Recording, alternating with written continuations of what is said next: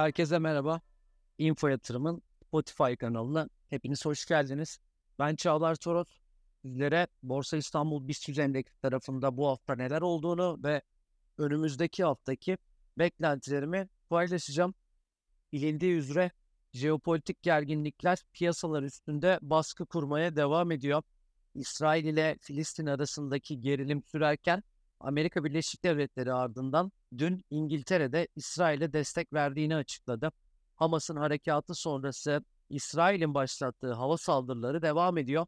Karşılıklı çatışmalar sürerken sivillere de zarar gelmeye başlaması ile endişeler artmaya devam ediyor. İsrail Gazze'ye kara harekatının yakın olduğu mesajlarını da daha öncesinde paylaşmıştı.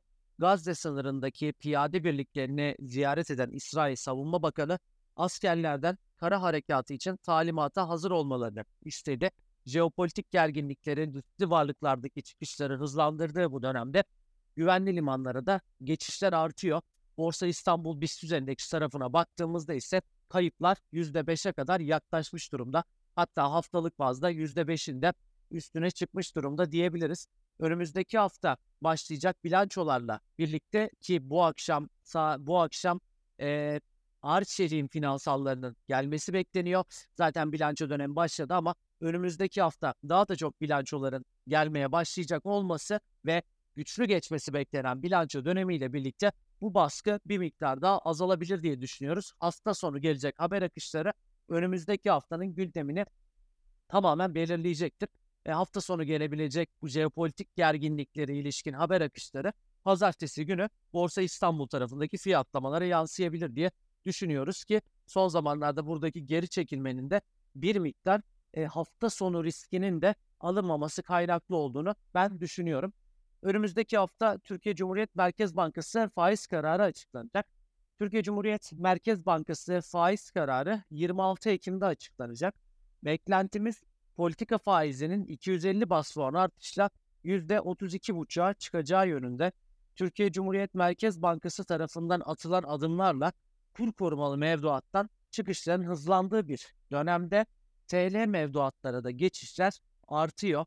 Özellikle kur korumalı mevduat faizinin politika faizinin altında verilebilme imkanının gelmesi jeopolitik gerginliklerin de eşliğinde risksiz getiri olarak %40'lara kadar dayanan mevduatları cazip kılıyor. Burada %40'lara kadar dayandı diyorum ama e, tabii ki bu tasarruf sahibine göre de değişiyor bankalar özelinde diyebilirim hem bankaları rahatlatmak hem de enflasyonun kontrol altına alınabilmesi açısından ortodoks hamlenin devam etmesini bekliyorum. 2024 yılındaki orta vadeli programdaki enflasyon beklentisinin %33 olması ile birlikte ekonomi yönetiminin 2024 için dezenflasyon sürecinde konuşması ile faiz artışlarında bir miktar daha yavaşlama söz konusu olabilir diye düşünüyorum. Ayrıca sadece Türkiye Cumhuriyet Merkez Bankası değil önümüzdeki hafta Avrupa Merkez Bankası tarafından da faiz kararı açıklanacak. Petrol fiyatlarının jeopolitik gerginlikler ile yükselmesi sonrasında faiz artırımları ile kontrol altına alınması beklenen enflasyonda tekrar yukarı yönlü hareket olma ihtimali fiyatlamalar arasına dahil olduğu gibi gözüküyor.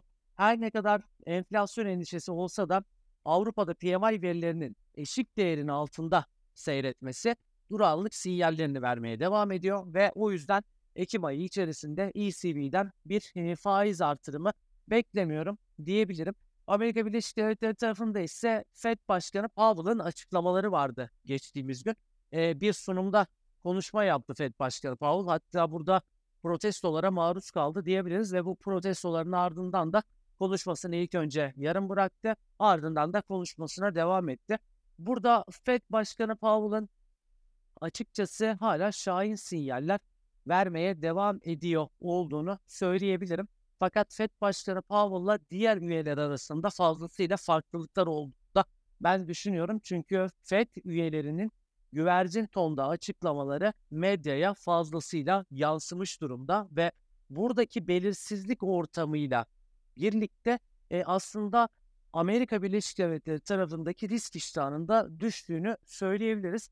Son olarak altın tarafı evet jeopolitik gerginliklerle birlikte riskli varlıklardan çıkışların hızlandığını söylemiştik ve burada güvenli limanlara geçişlerin arttığını söylemiştik.